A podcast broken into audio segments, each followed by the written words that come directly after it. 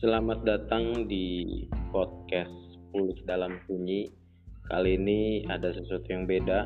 Biasanya gue memberikan sebuah renungan-renungan singkat yang monolog, tapi kali ini gue akan berdialog seperti yang gue lakukan beberapa waktu lalu dengan uh, salah satu sahabat gue membahas luka hati. Nah kali ini uh, podcast gue banyak dipengaruhi oleh orang yang akan nanti gue ajak bicara. Uh, pertama kali gue ketemu beberapa tahun lalu, uh, panggilannya cukup nyeleneh sih kalau gue bilang. Dia nulis namanya tuh Mr. Hot gue pikir uh, awalnya ini orang so seksi banget gitu kan ternyata itu penggalan dari namanya Hotlan tapi ternyata ada makna mendalam di balik singkatan hot itu. Nah kita langsung aja tanya. Halo bang. Halo halo. Apa kabar? Gitu Han. Baik.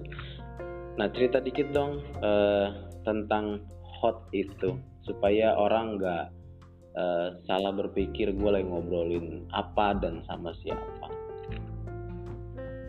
Nah, uh, seperti tadi sih yang ngomong ya, uh, gue selalu mencoba mengenalkan diri gue dengan cara yang nyeleneh supaya gampang diingat gitu. Nah setelah diingat, pas merasa aneh dan mencoba kenalan kan gitu.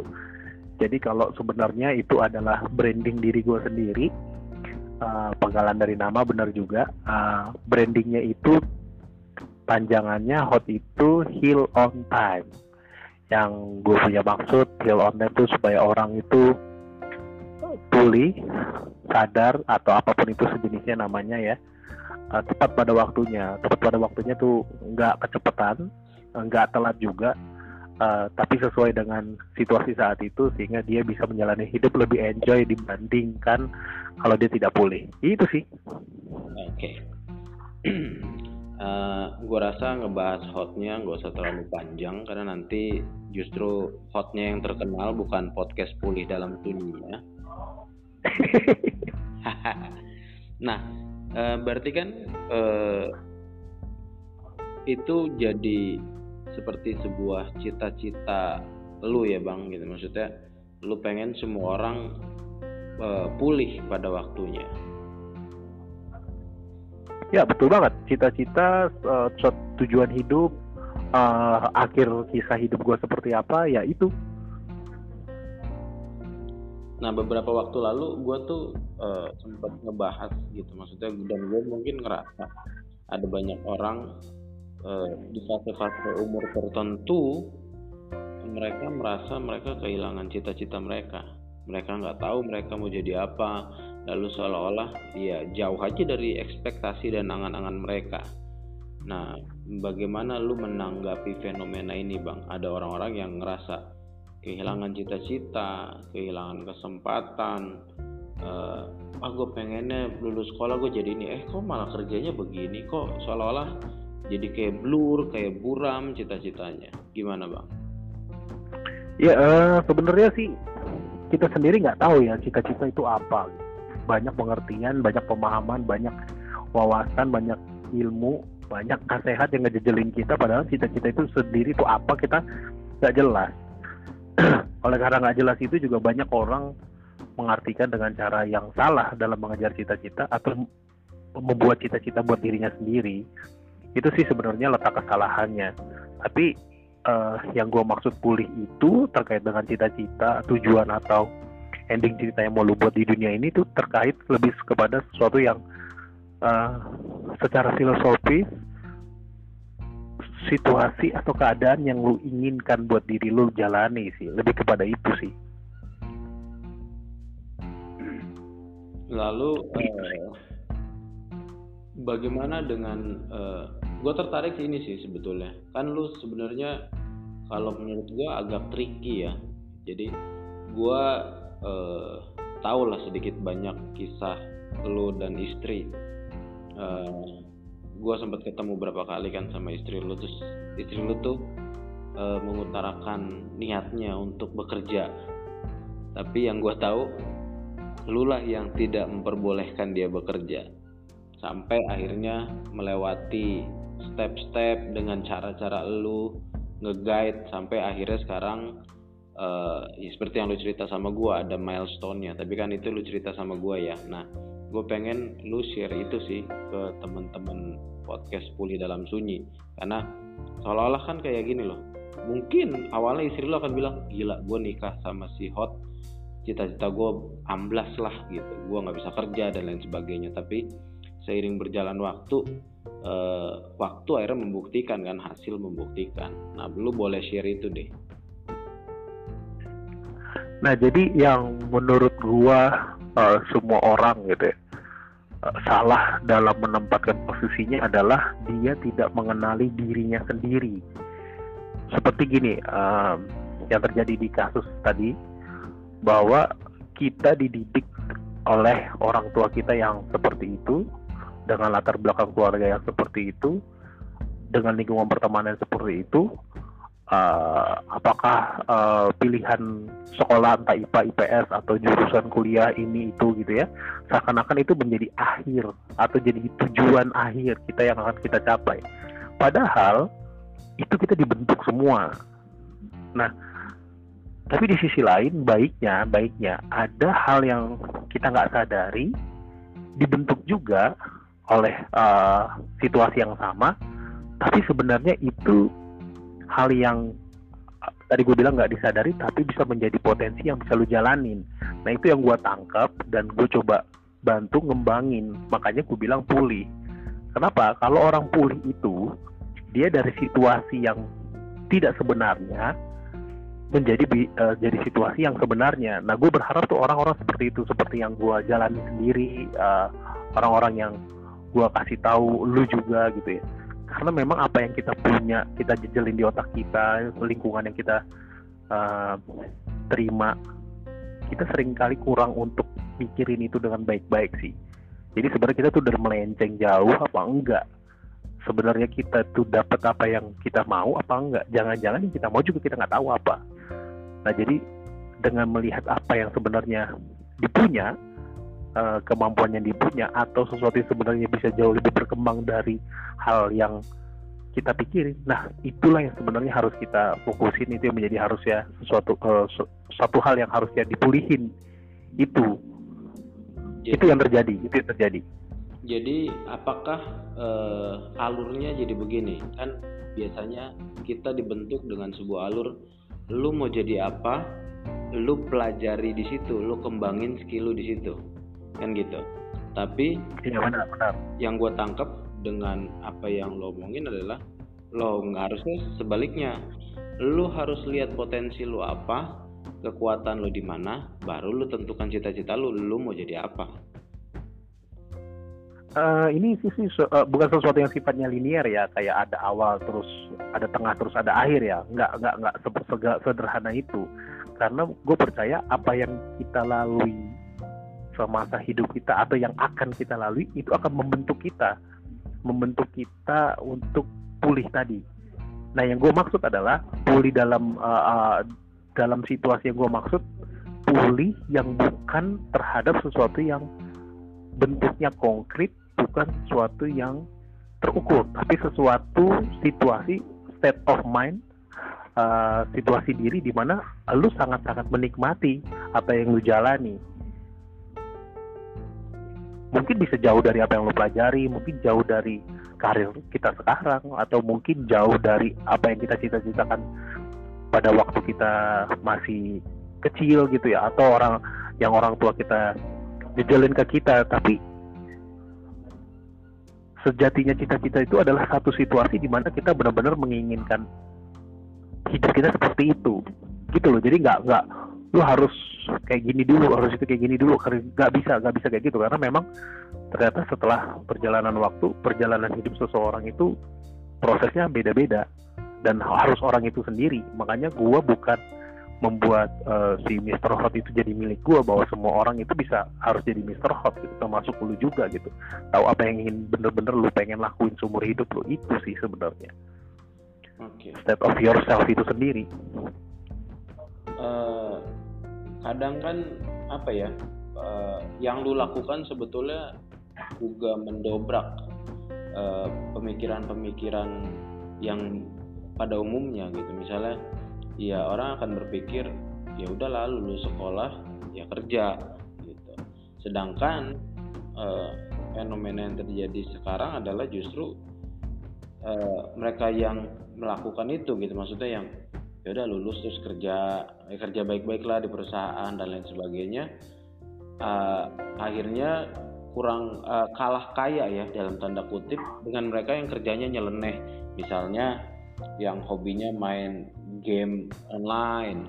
Justru sekarang kelihatannya jauh lebih kaya. Orang yang hobinya uh, bikin konten di YouTube yang dulu kita pikir kerjaan apaan nih gitu. Tapi ternyata sekarang justru uh, jadi bidang-bidang yang menjanjikan dan menghasilkan. Iya jelas. Karena memang kalau kita lihat benang merahnya perbedaan antara keduanya adalah uh, state of life-nya itu yang berbeda. Yang satu orang mengejar uh, sesuatu yang terukur atau dalam arti ini adalah uang atau karir dengan bentuk. Sedangkan yang satu lagi adalah lebih mengikuti apa kata hatinya lebih mengikuti apa yang dia inginkan dan dia mengembangkan dirinya push to the limit tapi akhirnya dia mendapatkan jadi kalau kita uh, pulihnya itu lebih kepada state of uh, life-nya itu fokus kita ke mana Nah kalau fokus kita kepada diri kita atas sesuatu yang kita inginkan ya jelas salah karena memang kita di bukan untuk itu. Kita di untuk menurut pandangan pribadi gue kita di untuk menikmati apa yang sudah disediakan. Nah dari menikmati itu prosesnya luar biasa sakit. Tapi dari situ kita bisa mendapatkan apa yang orang-orang pikir anggap sukses, misalkan contoh ya uang dan lain sebagainya, karir, uh, keterkenalan dan lain sebagainya. Tapi kan kalau kita cek diri kita sendiri saat itu tercapai, misalkan uang yang kita targetin tercapai, karir dan lain sebagainya tercapai, pertanyaannya kan balik ke dalam diri, apakah kita benar-benar menginginkan itu? Nah, jadi itulah yang gue maksud, yang tadi lo bilang tricky, trikinya adalah apa yang kita lihat belum tentu yang terlihat itulah yang sebenarnya kan harus ada yang lihat di belakangnya. Nah kalau di belakangnya pula belum tentu juga yang sebenarnya karena sering kali kita pakai kemampuan diri kita untuk memahami ya kita butuh uh, kesunyian kita butuh kesunyian untuk memikirkan apa yang sebenarnya diinginkan kepada diri kita nah siapa yang menginginkan itu ya jelas untuk kita itu sendiri sih menurut gue gitu sih bang oke okay. uh, eh, terus uh, yang tertarik yang gue uh, pengen teman-teman denger adalah uh, gimana cara lu ini contoh nyatanya ya kita main di case nyata.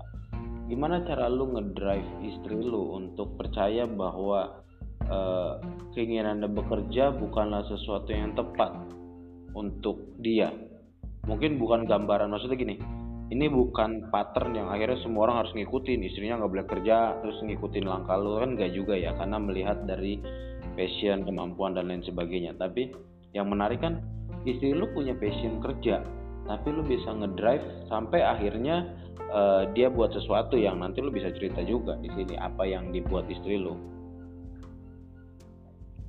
Ya pertama yang gue lakukan adalah nggak jauh-jauh dari uh, semua orang yang mendengarkan gue ketika bicara di Serhot.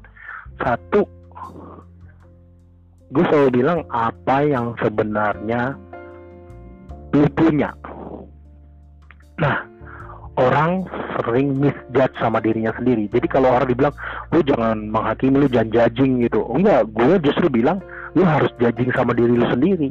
Setelah lu judging sama diri lu sendiri, lu lakukan autokritik sama diri lu sendiri. Nah, ketika itu menurut gue, tersaring lah uh,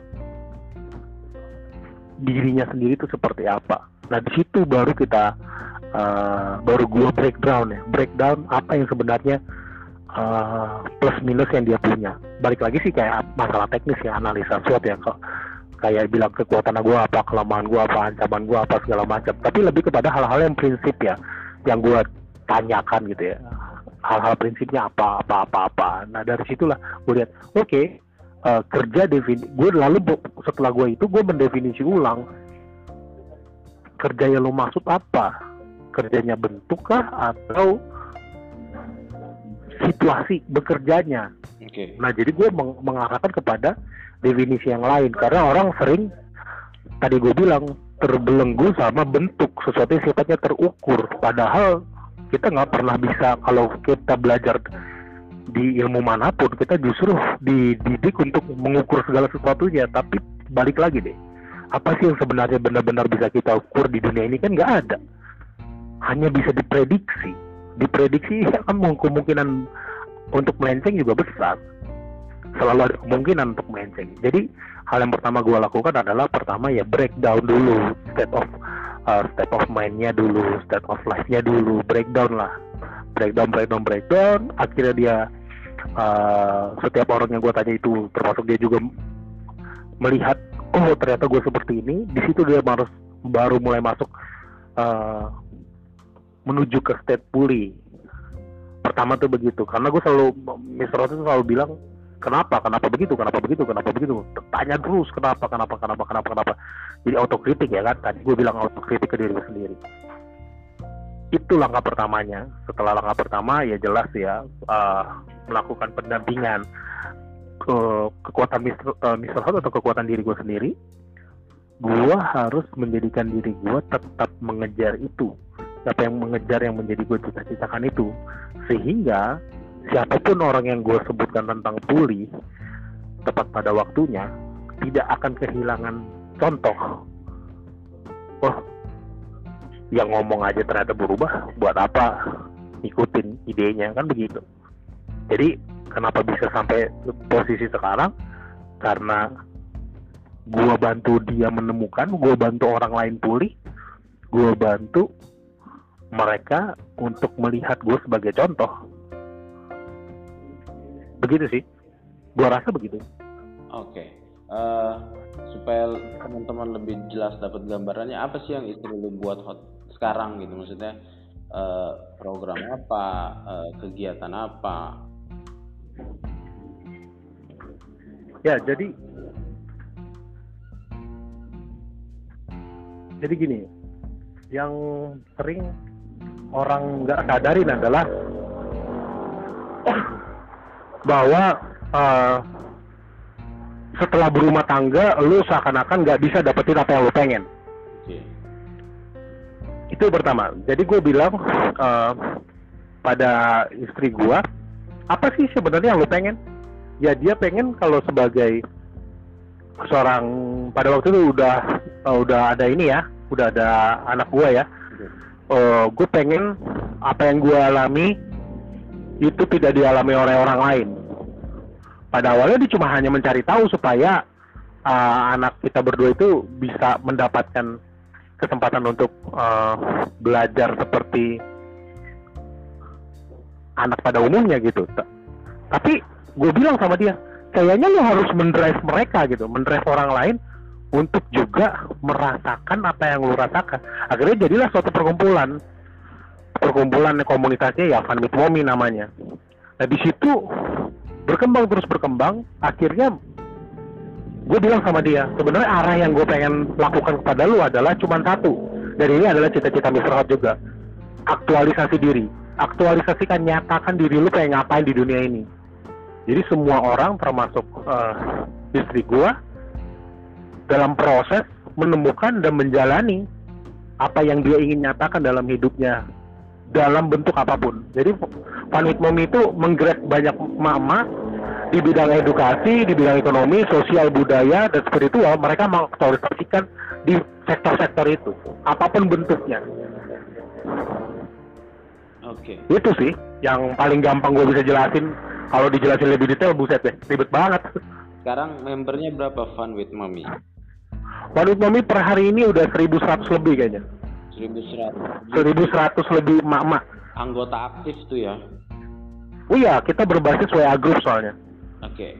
Nah, kalau bicara yang kayak kayak gini kan kadang orang tuh seneng denger berkembangnya, bu berkembang jadi 1100 uh, membernya itu bukan jumlah yang sedikit kan? Uh, iya kurang dari dua tahun sampai segitu, bayangin aja. Tapi uh, orang jarang mau belajar sisi-sisi struggle-nya. Maksudnya gini, untuk sampai ke member sebanyak itu sampai di tahapan itu kan prosesnya pasti nggak mudah hot. Nah maksudnya uh, sometimes orang-orang bahkan gue sendiri ya gue yang suka maksa gue dipertahankan kadang gue tapi yang benar kadang males gitu untuk untuk untuk terus tetap mengerjakan itu. Nah menurut lo gini apa sih yang yang bisa kita tetap lakukan gitu? Ketika banyak teman-teman di luar sana yang merasa mengaktualisasikan diri tapi tetap nggak bisa tuh tetap nggak nggak muncul tuh bilang misalnya seperti mutiara di dalam lautan yang nggak ketemu ketemu ya kan tetap aja orang lihatnya jadi bukan mutiara karena nggak ketemu ketemu kan gitu. Oh um, ini terjadi sama diri gue sendiri sih bukan hanya uh, orang yang orang gue kasih tahu ini terjadi sama diri gue sendiri. Um, sebenarnya bukan masalah lu menemukan atau tidak. Letaknya bukan di situ. Pulih yang gue maksud tuh bukan akhirnya lu menemukan oh ini nih gue oh ini nih gue bukan bukan bukan. Bukan itu. Tapi lebih kepada penerimaan. Penerimaan bahwa oh ternyata yang Tuhan mau tuh ini gitu. Gue bukan menemukan atau gue menemukan oh cita-cita gue ini nih kayak ternyata. Enggak enggak. Dalam proses pun ini sekarang yang gue jalani bisa saja di tengah uh, jalan berubah bentuk. Tapi tetap hal yang sama yang gue lakukan yaitu gue mengajak orang untuk menyadari atau pulih di mana state of mind-nya, state of life-nya dirinya untuk harus dikembangkan. Karena yang menjadi masalah adalah kita mengembangkan yang orang lain suruh kita kembangkan bukan diri kita sendiri kembangkan. Misalkan seorang dia seorang karyawan. Dia seorang karyawan. Dia nggak nggak happy sama posisi karyawannya tapi di situ bisa menghidupi dia gitu ya. Nah yang menjadi challenge-nya adalah bagaimana lu bisa menemukan diri lu di state yang itu sehingga jika lu suatu saat karyawan itu status karyawan itu posisi lu itu atau uang lu itu diambil diambil maksudnya lu nggak punya lagi lu tidak akan terpengaruh sehingga lu akan tetap sama step of life lu. Lu akan mengembangkan terus itu. Itu yang gue maksud pulih bang. Oke. Okay. sampai di titik itu. Uh, jadi gue sampai pada kesimpulan misalnya ya gue suka bikin podcast. Fokus ya. gue awalnya adalah ya berapa yang denger? Kan gitu. Ketika hmm. yang denger gak banyak gue akan berpikiran untuk ya udahlah nggak usah bikin aja orang yang denger gak banyak. Tapi kalau hmm. gue punya state of life-nya adalah ya gue pokoknya mau semua orang pulih dalam sunyi. Semua orang yang denger diberkati. Even ada yang dengar atau nggak denger ya gue akan tetap melakukan itu. Karena tujuannya bukan cari pendengar tapi uh, apa mau semua orang pulih dalam sunyi. Something like that? Um 50% iya, 50 persennya adalah elunya yang semakin pulih dalam sunyi. Itu. Jadi nggak kita nggak peduli apa efek kita kepada orang lain, manfaat kita kepada orang lain, tapi kepada diri sendiri sih. Makanya kan Mr. Hot itu yang gue pengen adalah orang lain pulih pada situasinya sendiri, tepat pada waktunya. Nggak peduli efeknya kepada orang lain.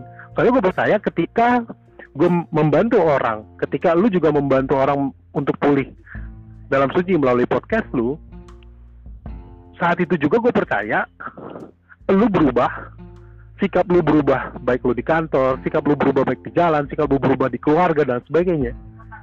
Secara nggak langsung orang-orang itu akan ngerasain manfaatnya dan mereka mau nggak mau mau nggak mau akan ngerasain perubahan itu dan sedikit banyak akan mulai berubah juga.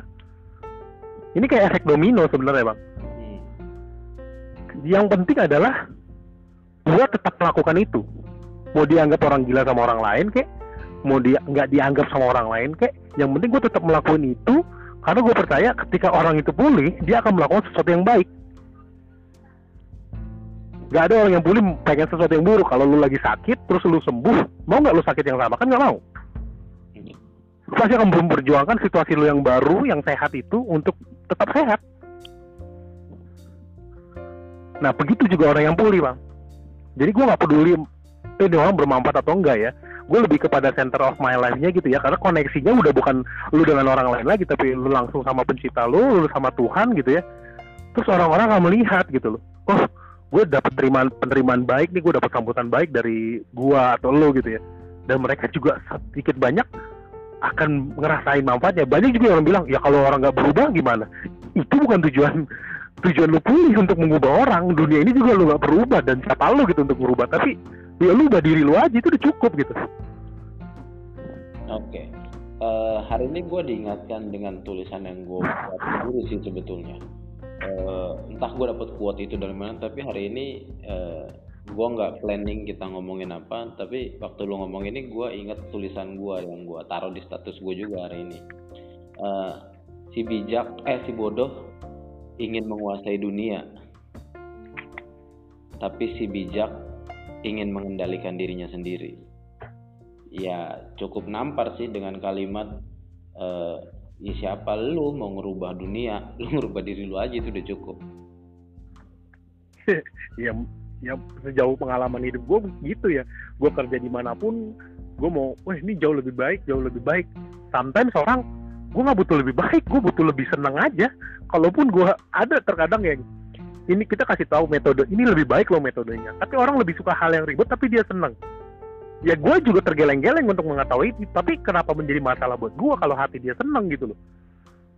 Tapi bukan berarti bukan berarti kita membuat orang lain senang seperti yang dia mau. Bukan bukan bukan. Tapi pada artian bahwa situasi state of life-nya itu benar-benar nggak bisa terganggu oleh apa pun yang sesuatu yang sifatnya terukur. Jabatan kah uh, uang kah uh, sakit itu sendiri bencana dan sebagainya nggak akan mengubah.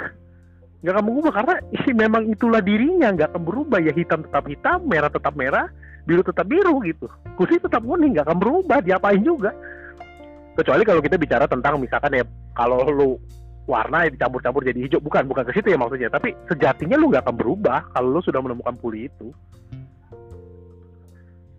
dalam perjalanannya uh, istri lu mengembangkan fun with mami kan tentu nggak nggak mulus gitu. Apa pernah nggak istri lu uh, give up? Setiap hari sampai detik ini. Always berasa give up always merasa gagal. Karena uh, seribu rat seribu seratus lebih itu yang sekarang saat ini stay. Orang nggak tanya yang udah cabut berapa kalau di total sama yang cabut mungkin udah dua ribu kali. Oh oke. Okay. gitu. Jadi kalau uh, apa namanya orang banyak orang bilang nasihat lu belajar sama orang sukses supaya lu sukses. Okay. tapi orang lupa harusnya juga lu belajar sama orang gagal supaya lu juga nggak gagal. Kenapa kita nggak belajar dua-duanya? Tapi yang ketiga lu juga harus belajar sama orang bahagia ada kenyataannya orang nggak ada punya apa-apa tapi tetap bahagia. Nah lu belajar ketiga itu. Belajar sama orang sukses belajar orang gagal belajar orang bahagia. Nah kesimpulannya kalau lu belajar dari tiga-tiganya cuma satu hal langkah pertama adalah lu harus langkah pertama kedua ketiga sampai langkah akhir lu cuman jawabannya cuma satu menurut gua. Kesimpulannya lu harus tetap pulih setiap saat. Lu ada masalah lu pulih lagi. Lu ada masalah pulih lagi. Begitu. Never ending story hmm. ada yang berusaha mengubah warna lu dari merah jadi biru dari merah jadi kuning merah jadi hitam atau bahkan tidak ada sama sekali merah itu di luar dari seluruh uh, rencana satu perusahaan atau apa segala macam ya lu tetap nggak harus berubah karena kalau lu berubah ya uh, ya lu nggak akan jadi merah gitu loh. Tapi bukan bukan bukan hal-hal yang masalah teknis ya. Misalkan lu satu tambah satu dua lu pakai rumus yang salah ya lu harus ubah gitu loh. Bukan hal, bukan bukan bukan tidak berubah ke situ ya maksudnya. Tapi step step of life lo kalau memang ternyata daripada lu pilih kerjaan ini lu ngeluh ngeluh ngeluh terus buat apa lu ngeluh kalau lu ngambil kerjaan? Lu buat apa lu stay di kerjaan itu kalau lu ngeluh ngeluh juga? Ya mending lu cabut dong. Lu mau hidup menderita terus setiap hari gitu atau lu melakukan sesuatu uh, yang uh, oke okay gue dapet ini nih bisa menjadi pegangan hidup gue tapi gue nggak enjoy ya. Lu ngapain jalanin itu toh? Toh uh, apa namanya toh? Yang lu cari bukan utamanya kan bukan bukan sesuatu yang ada bentuknya itu entah uang entah jabatan atau lo yang punya. Tapi kan yang keluhan-keluhan itu supaya nggak ada dong. Kalau orang sakit kan nggak cari kak kita nggak bisa meniadakan penyakit itu. Tapi kan kita meniadakan gejala yang ada dalam diri kita dong. Penyakit mah bisa datang dan pergi kan gitu. Tapi bagaimana dengan ungkapan iya jalanin aja dulu nanti juga lama-lama suka lama-lama e, mencintai pekerjaan itu. Oh, bener maksudnya jalanin aja dulu tuh. Gue juga dalam artian gini gue agak-agak kritisi ya. Jalanin aja dulu bukan berarti lu seperti layangan yang lagi uh, putus. Ya udah ke mana gue nyangkutnya? Atau aliran sungai ke mana gue mengarahnya? Bukan bukan. Kita ini manusia tapi nggak bisa dianalogikan begitu. Ya kita jalanin aja dulu. Dalam artian dalam dalam satu satu satu situasi yang kita terus mencoba memulihkan atau otokritik menanyakan apa yang ini gue mau ya? Apa yang ini gue mau ya? Apa yang benar-benar Tuhan yang ngasih tuh gue jalannya ini ya? Kita terus tanya. Kalau nggak gitu lu justru nanti malah lu jalanin dulu udah sampai satu situasi mungkin udah tajir banget udah terkenal banget dan sebagainya jangan-jangan kalau kita flashback ke belakang dan gue yakin betul pasti bakal begini flashback ke belakang banyak hal-hal yang terlewat dan kita sesali karena itu nature manusia tuh begitu jadi sebelum itu terlambat, setiap saat, setiap hari, setiap pagi, setiap malam, lu harus autokritik. Apakah ini yang benar-benar gue pengen dalam hidup gue? Apakah ini yang benar-benar membuat gue hidup dalam hidup gue? Harusnya begitu sih. Okay. Karena itu akan mengubah cara kita hidup, energi lu hidup, uh, memandang satu kejadian itu akan mengubah banget. Nah, uh, apa sih yang paling penting dalam hidup ini menurut lo Hot? yang paling penting uh, gua tidak pernah bagi gua gua tidak boleh pernah merasakan menyesal dalam hidup. Karena prinsip hidup gua gua nggak mengenal kata-kata itu kalimat itu. Penyesalan datang terlambat itu adalah kalimat buat gua adalah kalimat yang bodoh. Karena seharusnya lu melakukan sesuatu lu harus tahu lu ngapain gitu. Bukankah penyesalan itu memang dari hidup orang ya? Gitu pasti kan ada ada keputusan yang salah diambil lalu orang eh, otomatis akan menyesal dengan itu. Betul. Tapi seharusnya ketika lu menjalani dan lu tahu lu sedang menjalani itu dan apalagi lu tahu kalimat penyesalan akan selalu datang terlambat buat apa lu sesali gitu loh? Kalau lu pakai prinsip penyesalan pasti akan datang terlambat. Nih gue ngelakuin nih. Gua sebelum gue ngelakuin gue ngelakuin itu ya. Tapi kita udah tahu nih ada ada kata penyesalan belum terlambat kalau lu tahu itu selalu penyesalan selalu datangnya terlambat buat apa lagi lu konfirmasi bahwa itu adalah penyesalan yang selalu datang terlambat? Buat apa? Lu cuma hanya membuktikan hal-hal yang jelek. Tuh kan penyesalan datangnya terlambat. Buat apa? Toh lu udah ngejalaninnya. Besok-besok kalau ada kejadian yang sama ya jangan begitu. Kan gitu. Ah, bagaimana dengan pernyataan kontradiktif dengan kalimat seumur hidup kita belajar. Ya kalau penyesalan dalam penyesalan datanya terlambat, berarti nggak perlu ada belajar seumur hidup dong. Karena karena kalau kita belajar seumur hidup selalu ada kesalahan. Ya kalau selalu ada kesalahan ya lo nggak boleh menyesal. Ya itu lo belajar soalnya kan gitu. Jadi gue nggak memakai kalimat itu dalam hidup gue. Gue nggak percaya ada buat diri gue sendiri. Gue nggak percaya ada penyesalan yang datang terlambat. Yang ada adalah berpikir yang terlambat pulih yang terlambat harusnya lu udah pulih tapi lu nggak mau pulih gitu loh jadi uh, nggak mau bukan nggak bisa ya nggak mau ini masalah nggak mau.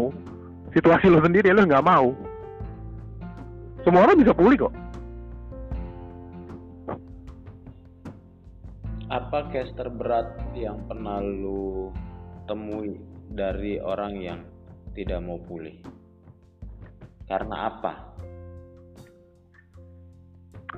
Hmm, sebenarnya bukan masalah yang berat sih, bukan masalah berat yang kayak uh, sebenarnya gara-gara bully doang sih. Dia nggak tahan sama bully, ngatain ya, ngatain gitu. Nggak ada penerimaan. Pernah dia, gue punya satu pelayanan dulu lewat line ya gitu ya, uh, curhat gitu dibilang sama gue dia gue nggak kenal dia dia dia juga nggak kenal gue nggak pernah ketemu tapi nggak tahu kenapa dia kontak gue dia bilang mau mau bunuh diri men. Masih muda bu, udah udah kerja tapi. Dia mau bunuh diri karena apa? Karena di, di kerjaannya dia nggak merasa dia ada di kerjaannya. Kayak nggak dianggap gitu. Itu satu. Yang kedua yang satu pengen lepas dari situasi sekarang. Ini cowok. Yang tadi cewek. Yang satu pengen lepas dari kehidupannya situasi kayak dia sekarang. Karena dia terikat sama cowok lain. Dan dia juga pengen bunuh diri itu yang paling berat. Ya gue bayangin aja gue cukup gak kenal orangnya gue lewat gue cuma lewat line. Dia ngomong kayak gitu gue mau gue mau lepas nih begini ya gue bilang ya lu gak akan lepas kalau lu gak akan pernah ninggalin itu. Gimana? Ya lu jangan nonsen. Gue cuman kalau lu cuma pengen gue dengerin gue dengerin. Gue akan jawab iya iya aja gitu.